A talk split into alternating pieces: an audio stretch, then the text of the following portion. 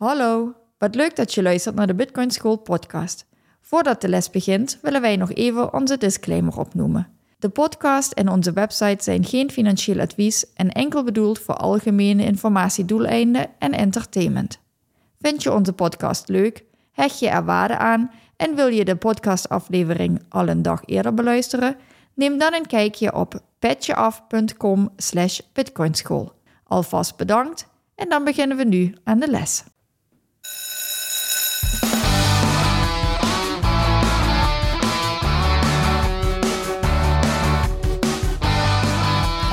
Bij de Bitcoin School podcast. In deze podcast willen we jullie de wereld van Bitcoin dichterbij brengen. Dit doen we door Bitcoin op een eenvoudige manier vanuit de basis uit te leggen. In deze aflevering gaat het over het belang van privacy en security. Ja, we hebben iets bijzonders. We hebben vandaag onze eerste twee gasten. Ja, leuk. Dus, ja, gaaf zeg. Um, nou, ik heb een podcast gehoord van jullie uh, dat jullie in Amsterdam allemaal gasten hadden. ja, ja, klopt. We laten je dadelijk even voorstellen. We gaan eerst ja, eventjes ja. de, de bloktijd uh, benoemen. De bloktijd is 815.897. En de Moscow time is 28 uur 10. Ja. En jullie hoorden het al. We hebben uh, twee gasten. En ik laat ze zichzelf eventjes voorstellen. Gast nummer 1. Jij die er net al doorheen aan het praten was. Um, nou, mijn naam is uh, niet wie je denkt dat ik ben. In het Engels. Um, ja, en ik ben uh, een bitcoiner, een maxi. Oké. Okay. En dat is, uh, dat is denk ik wel genoeg. Niet wie je denkt dat ik ben. Ja, in het Engels is dat not who you think I am. Oké, okay, check. Dan gaan we jou ook de rest van de aflevering zo benoemen. Um, ja, je mag me van alles noemen eigenlijk. Ik ben er heel makkelijk in. Oké, okay. en we hebben maar, nog een tweede, tweede gast? Ja, klopt. Uh, ja, short non. Uh, ook Engels. Uh, we komen vanuit de gedachte, als je dan toch dingen short, dan short dan een short non-bitcoin. Of alles wat niet bitcoin is, kun je shorten. Aandelen, ah, currencies. Okay. Dus yes. alles wat niet bitcoin is, lekker shorten. Um, dat is in ieder geval mijn, mijn Telegram, of tenminste mijn Twitter-handle. Ja. ook op Telegram zit ik op, met, met die handle erop. En voor het gemak een, een, een, ben ik bekend als uh, Jack. Dus je mag me Jack noemen, je mag me Short noemen. Jack lult wat makkelijker. Ja. Uh, en dat is, uh, dat, dat is een van mijn twee van mijn pseudonieme namen, zal ik maar zeggen. Dat, ook Bitcoin, ook Maxi. En ik ken Not Who You Think I Am vanuit een noodrunnersclubje. Waar ik zelf ook al een jaartje of twee, drie aangelieerd ben. En Bitcoin zit ik net iets langer in. Ja, en um, nou, wat het uh, leuke is, we hebben een aantal uh, maanden geleden is het al, hebben wij opgevraagd van mensen die, uh, die mee willen doen aan de podcast en die als gasten op willen treden in de podcast en die over een bepaald onderwerp wat weten te vertellen. Nou, die zijn hartstikke uitgenodigd. En we kwamen jullie allebei in Amsterdam tegen. En Jack, jou uh, hebben we eigenlijk via Telegram ook leren kennen. En Not Who You Think I Am, die persoon die uh, hebben wij in Amsterdam ook gezien. En uh, um, nou, een hele leuke twee dagen mee gehad. En nou ja, we hadden het erover. En jullie wilden iets meer vertellen over privacy, over security. Eigenlijk een onderwerp wat in Bitcoin, wat wij nog niet gigantisch benoemd hebben in, in dit uh, aspect, maar wat eigenlijk wel heel erg belangrijk is. Nou blijkt een eigen rabbit hole te zijn. Want we hebben natuurlijk wel kleine dingetjes al benoemd. Mm -hmm. Maar dat blijkt een heel rabbit hole voor, ja, op zich uh, te zijn. Dus uh, heel erg leuk dat we daar uh, twee specialisten voor hebben... die ons daar wat meer over kunnen vertellen. Ja. Hoe, hoe zijn we er eigenlijk um, ingekomen om, om het over privacy en, en over security te hebben? Not Who You Think I Am kwam ermee... En die zei van oké, okay, dit is wel iets wat heel erg belangrijk is. En je weet er wat uh, over te vertellen. En we gaan er al een serie van maken volgens mij. We gaan er meerdere afleveringen van maken. En in deze aflevering willen we het voornamelijk over het belang hebben. Dus not who you think I am. Eigenlijk de vraag die ik aan jou wil stellen. Waarom is privacy en security belangrijk? Um, ik vind dat een hele goede vraag. Omdat um, een heleboel mensen staan in het leven van... ach ja, als je niks te verbergen hebt... ja, waarom zou je dan privacy willen? Mm -hmm. Terwijl diezelfde mensen op het toilet gewoon een slotje hebben. Ze hebben gordijnen. ze hebben liever niet dat de huisarts over hun kwaaltjes spreekt of de bankier over hun financiële status. Mhm. Dus iedereen heeft een bepaalde mate van privacy, denk ik. En ehm, de, de een is daar wat, die, die gaat daar wat dieper in. Ik, ik persoonlijk ga daar wat dieper in. Ehm, en de ander is daar heel open, frank en vrij in. Ja. En waarom is het belangrijk? Um, dat moet iedereen voor zichzelf bedenken, denk ik. Ja, en, en Jack, hoe, hoe, hoe kijk jij daar, uh, daarnaar? Kijk, de uh, security is een inherent deel en wat heel belangrijk is voor Bitcoin, omdat je uiteindelijk zelf verantwoordelijk bent voor je eigen vermogen, in tegenstelling tot andere financiële middelen waar dat een uh, trusted third party zit. Mm Dus je zult daar sowieso wat basale kennis, of in ieder geval basale kennis van, van moeten hebben. Uh, en dat hoeft niet ver te gaan, maar als je in ieder geval maar je wachtwoord lang genoeg is, uh, weet dat je je updates moet draaien. dat met betrekking tot de security en de privacy wil je dat iedereen alles van je weet in, in, in deze wereld? En het is heel makkelijk om te zeggen, nou, dat maakt me niet zoveel uit. En een jaar of vijftig geleden wist iedereen alles van je, maar hadden nog niet de, digitale devices waarmee je eigenlijk een soort van tracking device op zak hebt. -hmm. uh, dus in die afgelopen vijftig jaar is er redelijk wat veranderd, waardoor dat die privacy des te belangrijker is geworden als je jezelf uh, wilt beschermen en je identiteit en de dingen die voor jou zelf belangrijk zijn. Ja, en het is natuurlijk eigenlijk allemaal ontstaan vanuit, vanuit het internet. Het, het beschikbaar hebben van de gegevens op internet. Het allemaal delen van je status-updates in Facebook, op Instagram, noem het maar op. Dat eigenlijk als je je hele leven deelt, dat iedereen op elk moment kan weten waar je bent, waar je aan het sporten bent en waar je de boodschappen doet. En de vraag is, of je dat wel publiekelijk uh, aan de grote klok moet, uh, moet hangen. Nou ja, we hadden natuurlijk ook al eens verteld in uh, een van onze podcastafleveringen dat we iemand tegen zijn gekomen op een event met een masker en pseudoniem en hè, die dus volledig um, ja, zijn privacy beschermt. Mm -hmm. um, nou valt nu natuurlijk ook op dat we twee gasten hebben met allebei een pseudoniem. Kunnen jullie daar iets over vertellen? Waarom de keuze voor een pseudoniem? Um, Jack, begin jij? Ja, ik, ik zal al beginnen. Uh, nou, een, een, een, reden, oh goed, laat, laat, ik het zo stellen. Een reden dat ik uh, pseudoniem zou willen blijven, zou bijvoorbeeld kunnen zijn dat ik werk voor, zou werken voor een semi-overheidsinstantie. Uh, die, als het gaat over Bitcoin en, en, en bepaalde anarchistische denkbeelden en bepaalde denkbeelden die ik dan ook wel eens uit op sociale media, dat dat, dat niet helemaal strookt. Mm -hmm. um, zou kunnen, hè? Stel je voor.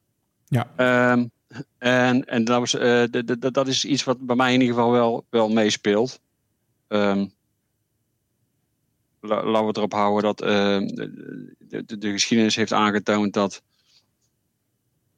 diverse momenten in, in de afgelopen honderd jaar, als je uh, nu bij een clubje hoort en, en, een bepaalde mening hebt en, en vijf jaar later is het politieke klimaat veranderd, dan kan het wel eens zijn dat je daarop afgerekend wordt.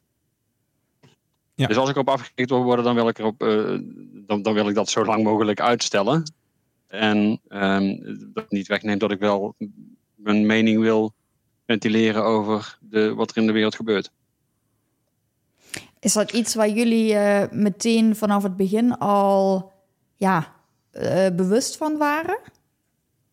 Dat je, dat je dit onder een pseudoniem zou willen doen? Of um, ja, hoe, hoe is dat ontstaan?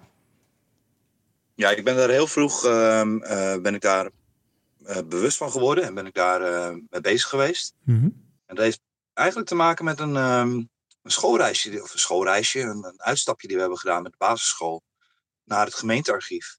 Um, want de plaats waar ik opgegroeid ben, daar heeft een, was een hele moedige gemeentearchivaris die um, de brand gestoken heeft in het, uh, het, hoe noemen ze het, het basispersoonsregister of iets dergelijks. Mm -hmm. um, toen de Duitsers binnenvielen. Ja. Dus de, Du dus de Duitsers die hadden helemaal geen idee waar wonen de Joden, waar wonen de Nederlanders. En toen kwamen ze bij het, bij het uh, archief, bij het, het register, en alles was as. En daardoor heeft in die gemeente 25% meer Joden de oorlog overleefd. Omdat ze onvindbaar waren, omdat ze er niet waren, niet bestonden. En dat heeft een hele diepe indruk op mij eh, gemaakt. De overheid kan namelijk uh, beslissen dat in één keer iets strafbaar is of verboden is, Mhm. wat voorheen helemaal normaal was.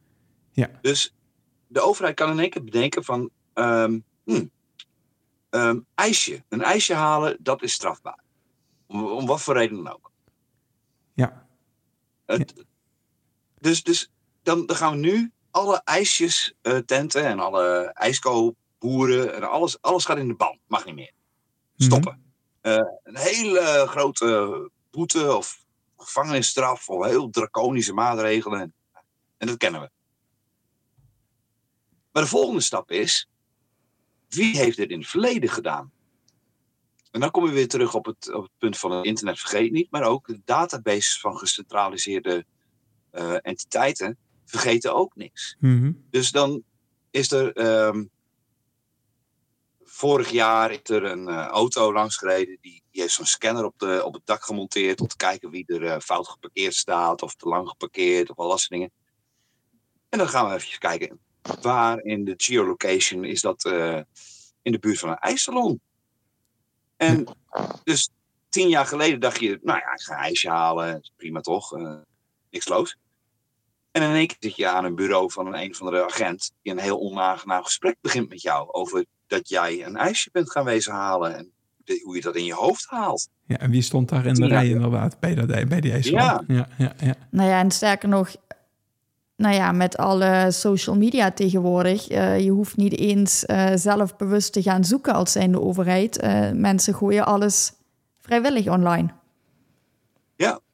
Ja, en dat is ook eh, een beetje het puntje geweest met wat, wat ik zei over, dat, eh, over die gemeentearchivaris. Ehm, er is, ik dacht in de jaren twintig is er een, eh, een volkstelling geweest. Dan gaan gewoon ambtenaren gaan gewoon deur tot deur. Met hoeveel mensen wonen jullie hier? Ehm, wat is de hoogstgenoten opleiding? Wat doet meneer voor eh, inkomsten? En daar zaten ook wat vrijwillige vragen bij. Als je dan zegt van, nou ja, dat wil ik niet zeggen dan eh, nou, was dat ook goed. Het was niet met zo'n sterretje, zo'n asterix. Mhm. Was, welk geloof beleidt u? In de jaren twintig was het, ja, wij zijn Joods. Ja, daar is er helemaal niks mis mee. Dat kun je toch gewoon zeggen. Dat eh, is toch prima? ja. Andere mensen zijn katholiek of gereformeerd of atheïst, prima. En er werd genoteerd. En dat kwam dus in dat, in dat dossier, in een register. in het register, ja. En op, in de jaren twintig was daar ook helemaal geen enkel probleem. Maar ja, twintig jaar later wel. En een paar jaar later kregen we de computer, kregen we BBS'en. Eh, dat was zeg maar voor het internet.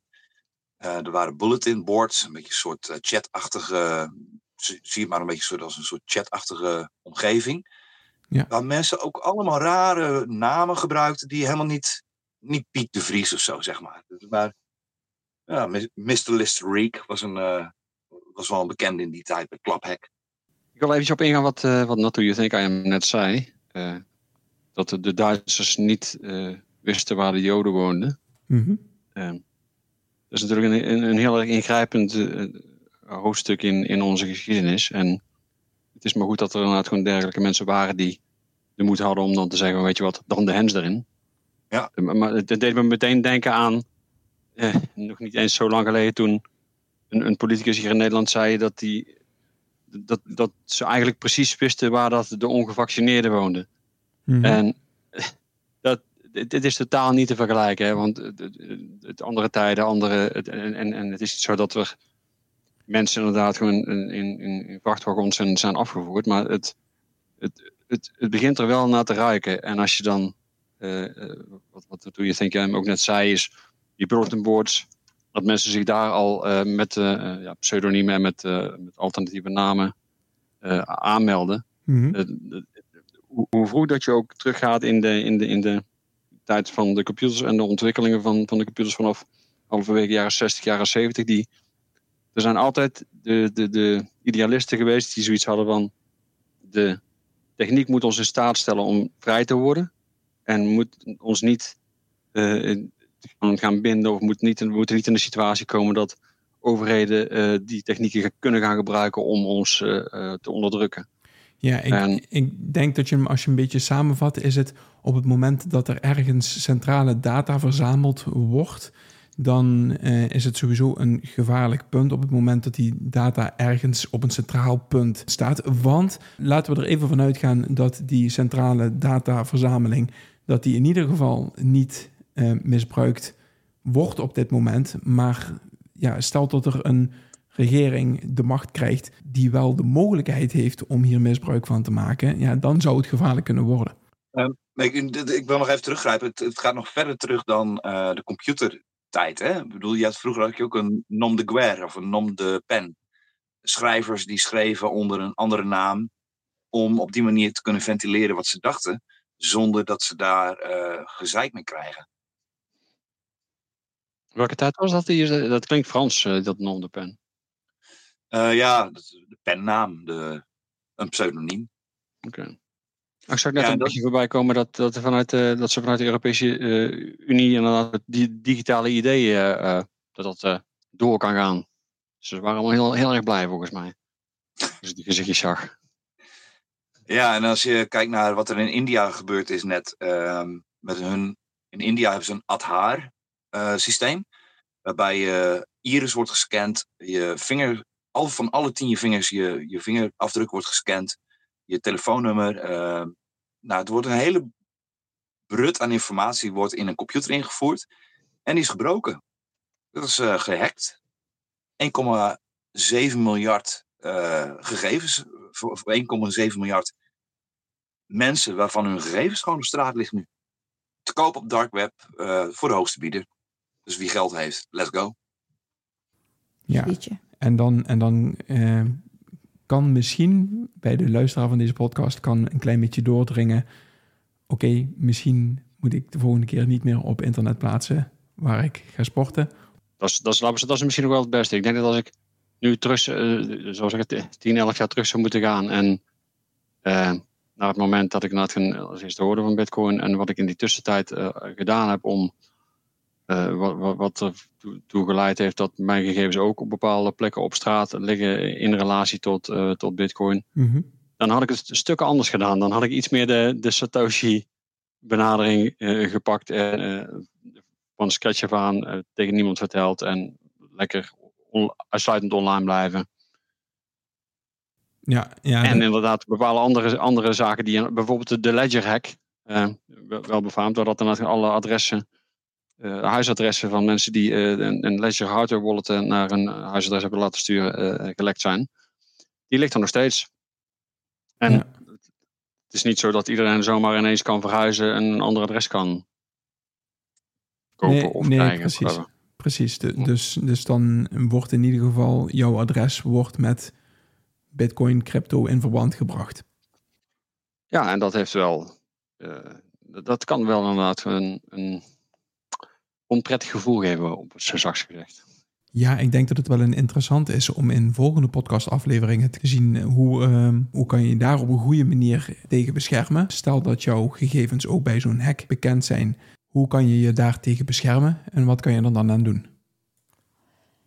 En wat kun je er preventief aan doen? En wat kan je er preventief aan doen, inderdaad? Ja, dus mensen die nu beginnen met Bitcoin, wat kunnen ze preventief doen om ervoor te zorgen dat hun gegevens niet lekken of als er al een lek is, dat ze zo weinig mogelijk gegevens van zichzelf prijsgeven. Kijk, het, zijn een beetje ook een beetje, het preventieve is juist van belang omdat het internet vergeet niet. Hè? Als iets één keer op internet gezet is, dat komt er nooit meer vanaf. Praktisch ja, ik, gezien. Oh ja, ik wil even zeggen inderdaad, um, we hebben natuurlijk een podcast voor beginners. Dus ik kan me voorstellen dat uh, sommige mensen nou een beetje, ja, weet ik niet, afgeschrikt zijn of denken, hoe, in wat voor een aflevering ben ik nu terechtgekomen? Mm -hmm. Ineens uh, gaat het over uh, hele andere dingen. Hoezo is dat ook juist zo belangrijk um, met betrekking tot Bitcoin? Waarom is dit een extra rabbit hole? Waarom is het belangrijk dat wij deze aflevering maken voor juist ook beginners? Laten we het zo stellen, als je wat wij hier bespreken, dat gaat, heel, gaat, gaat al redelijk ver. Als je bij de basis begint, je wachtwoorden moeten lang genoeg zijn. Mhm. Je computers moeten geüpdate zijn. Je moet niet iedereen vertellen wie je bent en wat je hebt. Dat zijn eigenlijk gewoon op basale dingen die je kunt doen. En ik neem aan dat het voor iedereen wel vanzelfsprekend is, of in ieder geval dat ze dat vaker gehoord hebben. Maar als je ziet bij een gemiddeld bedrijf, als daar een, een, een, een hackpartij ingehuurd wordt om te kijken hoe dat met de security staat. En uh, de lijst met wachtwoorden van alle medewerkers wordt langsgelopen. En dat wordt, een, uh, wordt gekeken hoe veilig dat die zijn. Dan is nog steeds 5 tot 10 procent uh, zeer onveilige wachtwoorden. Oftewel niet lang genoeg. wachtwoord 1, 2, 3. QWERTY, ja. Ja, die dingen. En dat, dat is echt het, het, het allerminimaalste wat je kunt doen. En vanuit daar kun je, kun je verder gaan werken naar, oké, en hoe kan ik het dan nog veiliger maken en hoe kan ik mijn privacy nog beter de, uh, beschermen. Uh, dus misschien zijn wij inderdaad gewoon al wel, voelt het dat wij van mijlen ver zijn en dat we misschien zoals, uh, zoals hoe zei de Kurt Cobain dat ook weer, just because you're paranoid doesn't mean they're not after you. Mhm. Mm -hmm. um, we, we, zitten inderdaad al iets verder in dat, dat stukje paranoïde van ik moet op alles letten en ik moet eigenlijk gewoon alles dichtgetimmerd hebben, inclusief mijn huis, mijn, uh, mijn software, mijn servers, uh, mijn smartphone en, uh, en, mijn identiteit. Maar voor, nou, zoals de, de Jan pet die bitcoin wil gaan kopen, denk ik dat het belangrijk is dat ze eerst inderdaad hun basale security en hun basale privacy op orde hebben. Dus niet alles meer lekker op Facebook zetten. Sommige dingen gewoon geheim houden, ook voor je, voor je directe familie. En zorgen dat je wachtwoorden lang genoeg zijn dan dat je virusscanners geüpdate zijn. Ja, precies. Ja, ik, ik denk dat het wel een hele goede is. En uh, ik vind het trouwens een mooie vraag van jou, Marina. Uh, waarom is het belangrijk voor de beginners om hierover na te denken? Ik denk dat het juist heel belangrijk is op het moment dat je begint met Bitcoin en jij krijgt deze informatie al. Je weet al dat er een, dat privacy en security, dat dat een soort van een rabbit hole is. Dan heb je de keuze of je er wel of niet iets mee gaat doen. En wat, wat Shortman in het begin ook al aangaf, hij zegt: Ik had het als ik was begonnen met de kennis die ik nu heb, had ik het op een hele andere manier gedaan. En dat is hetgeen wat wij proberen te doen. En het is die mensen vooraf de kennis te geven voordat ze beslissen om met Bitcoin aan de slag te gaan. Ja, en ik denk dat het ook belangrijk is om te benoemen dat het dus in het algemeen wel iets is om goed over na te denken en belangrijk is. En dat veel mensen daar te weinig over nadenken. Mm -hmm. Dus los van of je nou uh, wel of niet uh, erover nadenkt om, om iets met Bitcoin te gaan doen. Of je nu afgeschrikt voelt van, hè, oh, dat, uh, moet ik dit wel willen. Dit is iets waar je in het algemeen wel over na moet gaan denken. Over wat deel ik eigenlijk precies op internet? wat, wat vertel ik allemaal over mezelf? Um, is dit handig? Moet ik dit wel willen? Hoe zit het met mijn uh, privacy en security? Ja. ja. Omdat ook dat weer een uh, ja, gevalletje, oh, daar heb ik niet zo over nagedacht, zou kunnen zijn. Ja, precies. Ja, als ik daar mag, op, op mag ingrijpen, uh, het is precies wat Shortnon zei. Het internet vergeet het niet. Het is altijd terug te vinden. Mm -hmm. Dus je kunt nu een, een kleine verspreking maken. Bijvoorbeeld, ik kan zeggen... Um, ik heb met een andere metaalbewerker gesproken over um, elektri uh, elektra in huis. Ja. Ik kan ook zeggen, ik heb met een metaalbewerker gesproken over elektra in huis. Ja. In het eerste geval, door het woordje een andere, dus andere, betekent dat, dat de, de, de toehoorder zal zeggen, ah, dus dat zijn twee metaalbewerkers die met elkaar spreken. Precies. Dus not who you think I am is een metaalbewerker. Anders had hij het woordje andere niet gebruikt. Exact. Als ik had gezegd, ik heb met een metaalbewerker gesproken over meta uh, elektriciteit in huis, dan zou je hoog uit je wenkbrauwen fronsen van, ja, waarom doe je dat niet de elektricien? Want is dat niet veel uh, zinniger? Ja. Ja, dan ga je inderdaad al heel ver in, zeg maar, in, in waar je over nadenkt, hoe je dingen zegt, wat je precies zegt, um, wat er uit, uh, ja. uitgehaald kan worden. Ja. Nou ja, ik, um, er komt bij mij nu iets naar boven. We hebben inderdaad um, op het uh, Blocktrainer Beach event hebben wij die, de Bitcoin Joker gezien, ook een pseudoniem. En in uh, Amsterdam hebben we ook een dame leren kennen die, die, zich Lisa laat noemen. En ook gezegd van ja, noem mij maar Lisa, maar ik, we weten haar echte naam niet. We weten hoe ze eruit ziet. We, hebben een heel leuk gesprek met haar gehad. Maar ze zegt noem mij maar Lisa. En ja, hoe, of ze echt zo heet, ja, geen idee. Dat, uh, dat, dat weten we niet. En dat zorgt er bij mij voor dat zij in ieder geval wel weet van... oké, hey, ik ben hier met iets belangrijks bezig... en ik wil dus ook met mijn privacy waarborgen. En dat is dus ook de reden waarom ik het uh, ja, eigenlijk wel heel erg gaaf vind... dat ik hier met twee pseudoniemen in, uh, in uh, een call zit... en een podcast aan het opnemen ben. Die ons dan toch net even extra bewust maken van... wat geef je prijs over jezelf op het moment dat het op het internet gaat? Of niet eens op het internet gaat, maar wat geef je prijs over jezelf over wat andere mensen van je weten. Kijk, wat, wat is de toegevoegde waarde dat jij mijn naam zou weten? Stel je voor dat jij, eh, je hebt een, een tweedehands laptop en ik heb een tweedehands laptop nodig. Uh, jij woont bij mij in de buurt, hebben we ergens vastgesteld. Mhm. Ik wil uh, betalen een bepaald bedrag. Jij wilt mij daar die, die laptop voor geven. We spreken ergens af. Niet bij jou thuis, niet bij mij thuis. Uh, we, lopen, we gaan naar hetzelfde café, daar spreken we af. Daar zit iemand met een laptop. Ik ga er aan tafel zitten. We stellen vast dat we degene zijn die met elkaar online gesproken hebben. Ik betaal mijn bitcoin, ik pak die laptop en ik ben weg. Moet jij per se mijn huisadres weten, mijn, mijn bankrekening weten, uh, weten waar ik woon, wie ik ben, hoe ik eruit zie, whatever. De meeste online transacties zijn tegenwoordig uh, anoniemer dan dat je inderdaad gewoon on, echt daadwerkelijk fysiek iets in een brick-and-mortar eh, winkel gaat halen.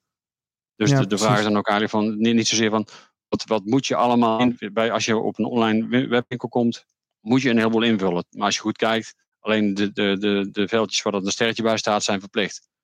En zelfs dat denk ik af en toe dan, nou die informatie heb je eigenlijk helemaal niet nodig. En dan kies ik er eerder voor om ergens naar een brick-and-mortar winkel te gaan en iets te kopen, dan dat ik online gegevens ga invullen. En misschien zelfs nog, bij wijze van spreken, contant betaal. Ja, contant betaal. Ja, niet, in veel gevallen niet met mijn pinpas. Ja. Of met bitcoin. Als, als, Die bitcoin, uh, als die bitcoin ontvangen, inderdaad, ja. Nou, ik zorg dat ik altijd wel wat cash in, uh, in, in uh, op zak heb. juist om in ieder geval de keuze te hebben om als iemand inderdaad gewoon wil je mij een bitcoin betalen, zo wat is bitcoin, kan ik niet gewoon cash betalen die, die mhm. persoon hoeft ook niet per se te weten dat ik bitcoin heb. Dus dan betaal ik liever met die papieren via dingetjes. Ja, precies. Ja, interessant. De manier waarop ik hem uh, vaak insteek is, uh, we weten, als, als je een beetje wat langer in bitcoin meeloopt, dan weet je waar het heen gaat. Naar boven en rechts. dus op de grafiek, hè? Dus niet politiek. Nee, ik, snap, ik, ehm, snap wat je bedoelt. En eh, dit is toch wel even een klein beetje het punt dat wij zeggen: wij geven geen financieel advies. Dus um, iedereen moet uh, zijn geld besteden op welke manier hij dat wil. Maar oké, je hebt even jouw mening gegeven. oké, okay, ja, ja, laten we het zo zeggen. Dat is mijn mening. Uh, als je wat langer naar Bitcoin kijkt, als je wat langer kijkt naar hoe het werkt, technisch, hoe het werkt, filosofisch, hoe het werkt, uh, politiek kun je eigenlijk, naar mijn mening, mijn mening, maar op één ding uitkomen. Het gaat naar boven en naar rechts op de mhm. grafiek. Dus het is eigenlijk een soort staatslot winnen, maar dan heel langzaam. Je gaat hem wel winnen, maar het is heel langzaam. Dus het is niet morgen. En we willen allemaal heel graag die, die verhaaltjes horen van die influencers en, uh, en dat soort gladde boys. Van uh, ja, Bitcoin 400 miljoen bij, uh, nou ja, wat is het, aankomende woensdag. wat, wat totale onzin is. Maar de, de keerzijde van dezelfde medaille is, zou je dat, zou je als je dan bij aankomende woensdag 4 miljoen hebt, door de straat gaan rennen. Jongens, ik ben rijk, ik ben rijk. En op Twitter, ik ben rijk, ik heb zoveel. Nee. Ik heb de lotto gewonnen. Ik heb ja. ja, ik heb de lotto gewonnen. Nee, nee, dat is een dom idee. Moet je niet doen. Maar wat, wat, wat, hoe ver zou je dan gaan? Want uh, als je dan uh, zoveel miljoen hebt, dan zou je misschien, als je nog een via job hebt, zou je kunnen stoppen met werken.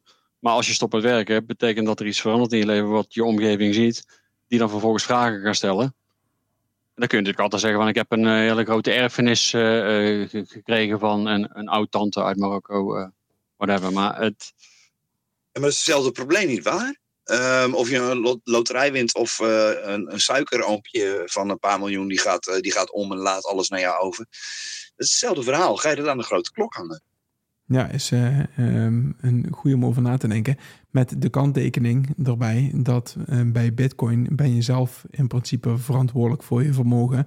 En op het moment dat je het op een bankrekening hebt staan of iets dergelijks, um, dan is natuurlijk, of, of je hebt het op een andere manier geïnvesteerd, dat geld dan is de vraag. Dan zit je in het stukje security. Dan zit je in het stukje security, inderdaad, ja. En dat is natuurlijk het mooie bij Bitcoin, uh, wat we ook al eens benoemd hebben. Uh, je hebt het zelf in de hand, wat het heel ja, krachtig maakt, wat juist uh, het, het pluspunt van Bitcoin is. Maar je hebt het ook zelf in de hand. Dus op het moment dat je inderdaad klunzig bent met je woorden of met je ehm, beveiliging, met je beveiliging, dan ja, stuur je ze wellicht maar, zomaar in het nirvana. Je wilt er niet zeggen dat je dan ineens verantwoordelijkheid moet gaan nemen voor, voor, voor, voor, voor, dingen zelf, dat je dingen zelf moet gaan doen en zo. Ja, dat is uh, toch wel de bedoeling natuurlijk. Ja, ja goeie. Ja. ja. Ja, maar dat is, dat is ook wel een dingetje, want uh, ik, ik ben dan, nou, buiten dat ik dat gewoon nou, bepaalde wereldbeelden heb, uh, bitcoin, anarchie, libertarisme, ik, kan me af en toe wel vinden in bepaalde ideeën die, uh, die Canadese psycholoog eh, Jordan Peterson naar voren brengt. En wat geeft je leven betekenis? Is dat het, het, het, de pursuit of happiness of het geluk zoeken? Of is dat verantwoordelijkheid oppakken en, en, en, en daardoor iets voor jezelf op te bouwen en voor je omgeving op te bouwen? En ik denk dat zeker inderdaad met Bitcoin. Eh, dat stukje verantwoordelijkheid van ik, ga het zelf doen. Ik heb geen bank nodig. Ik heb geen overheid nodig die me vertelt hoe ik dingen moet doen of wat ik mag doen. Ik doe het zelf en ik ga daar verdomd goed in worden. En dat is eh, een, een tool als Bitcoin geeft je die mogelijkheid om het beste uit jezelf te halen op diverse manieren die zelfs die verder gaan en, en meer aspecten raken dan alleen geld. Ja, en dat is iets, een beetje filosofisch, maar... Nee, maar wij, houden deze podcast heel graag filosofisch, dus dat is helemaal geen probleem. Maar dat is wel hetgeen wat... Uh, ik vind een hele mooie aanvulling. Uh, het leren van bitcoin zorgt ervoor dat je uh, ook in andere dingen heel erg bekwaam wordt. Op het moment dat ik mensen bitcoin uitleg, dan kom, komen er regelmatig komen er bepaalde argumenten van andere mensen. En nou ja, weet je, alleen al dat zorgt ervoor dat ik getriggerd word om de volgende keer um, beter beslagen ten ijs te komen op het moment dat zij steekhoudende of goede argumenten hebben. Maar ook uh, op het gebied van nou, persoonlijke ontwikkeling, op het gebied van ja, je kan jezelf heel erg ontwikkelen op het moment dat je je met, met Bitcoin bezighoudt. En het klinkt heel gek en heel raar, maar het zorgt er wel voor inderdaad dat je je eigen verantwoordelijkheid en je um, zelfbeschikking, dat je die heel erg um, belangrijk en heel, heel veel waarde hecht daaraan. Ja, ja, ja, zeker. Heel mooi gesproken, ja. Ik, denk, dat dat ook iets is wat we gewoon niet meer gewend zijn om te doen. Hebben wij ook al vaker benoemd volgens mij. Hè? Dat, dat uh, we steeds meer in een maatschappij terechtkomen waarin ja, alles voor ons geregeld wordt. Um, en dingen misschien ook wel ingewikkelder lijken of gemaakt worden. Juist zodat je denkt van, oh ja, dat, uh, oh, ik snap er niks van, laat maar zitten. Uh, laat hun, wie dat dan ook mag zijn, uh, dat maar voor me regelen. En op het moment dat je inderdaad met Bitcoin gaat bezighouden en uh, die zelfbeschikking weer terugpakt en die eigen verantwoordelijkheid, ja, als je daar één keer in zit, dan ga je wel bij meer dingen denken van, oh ja, en hoe zit dit dan? En misschien moet ik dat ook eens zelf uitzoeken. En op het moment dat je merkt dat je dat kan en ook dat zelfvertrouwen krijgt, dat je toch wel meer kan en meer snapt dan je zelf denkt, ja, dan gaat er ook weer een hele wereld voor je open. Het is, uh, ik heb het recentelijk op, volgens mij nog op Twitter gegooid. Dus schoot iets in mijn kop. Ik dacht van ik pleur hem er even op. Uh, Bitcoin is net als veterstrikken. Je kunt het een ander laten doen voor je. Maar ja, dan is de kans wel dat je op je bek gaat dat ze je veters aan elkaar geknoopt hebben. Je moet dus beter leren hoe dat je zelf je veters leert strikken. Alleen, ja, veterstrikken uiteraard uh, is, is, iets heel bazaals. Maar vroeger deed je ook inderdaad gewoon jouw eigen goudstukjes ergens in een, een holletje in de grond uh, Daar had je ook niemand anders voor nodig. Nee, precies. Um, heren, ik denk dat we in ieder geval voor onze eerste podcast dat we een, een, mooie aflevering hebben en dat we het belang van security en belang van privacy, dat we die goed duidelijk hebben. Um, zoals wij inderdaad al gezegd hebben, we gaan nog uh, met jullie verdere afleveringen maken, zodat we um, hier nog wat dieper op in kunnen gaan. En uh, voor nu, uh, tenzij jullie zeggen van ik heb nog iets heel belangrijks te zeggen, um, zou ik de podcast dan ook verder willen beëindigen. Ik zit ineens te denken aan ehm, het internet vergeet niet. Weet je wat ook niet vergeet? Nou. De Bitcoin blockchain. En ik kan me herinneren dat ik ooit een keer online een spelletje heb gespeeld. Uh, zo'n spelletje met uh, je hebt zo'n uh, omgekeerde piramide met, met spijkertjes. Je gooit er aan de bovenkant. Nee, er zit geen normale piramide met spijkertjes. Je gooit aan de bovenkant een muntje in. En onder komt die helemaal links, rechts of in het midden terecht. En daar kun je dan een bitcoin mee winnen. Mm -hmm. Ik kan me zomaar, zo, zomaar voorstellen dat er een UTXO is die een bepaalde naam heeft, een prefix. Uh, die uh, nog een keer gelinkt is aan iets wat ik ooit in het verleden gedaan heb. Dus is Satoshi Dice? Die, die ja. Ja, precies, oké. Okay. Ja. ja. Ja, volgens mij wel, ik weet het niet. Maar laten we het zo stellen: het internet vergeet niet, de Bitcoin blockchain vergeet ook niet. Dus wat moeten we doen? Mixen en een tweede laag maken. Betere privacy. 100%. Ja, ja, dat is iets wat we, waar we inderdaad op, uh, bij een volgende podcast uh, op doorgaan. Marina, wilde jij nog iets, uh, iets kwijt? Nee, dan was dit denk ik een mooie aflevering over het belang van privacy en security in het algemeen. En dan kunnen we de volgende aflevering maken over ja, hoe doe je dat dan precies? Hoe ga je dit praktisch aanpakken? Wat zijn dan mogelijkheden om uh, je privacy en je security goed uh, te handhaven? Ja, lijkt me een hele goeie. Ja. Super. Heren, dan wil, wil ik jullie van harte bedanken. Heel graag gedaan. Ja. En dan tot de volgende keer. Is goed. Ja, tot de volgende keer. Bedankt voor het luisteren van deze les. Je kan onze podcast beluisteren via Spotify, Apple Podcast, YouTube en alle andere grote podcastplatformen. Wij zijn ook actief op Twitter en Instagram. Daar kun je ons bereiken. Heb je dus vragen of opmerkingen? Stuur ons dan een berichtje naar bitcoinschoolnl op Twitter of Instagram. Goedjes en graag tot de volgende les.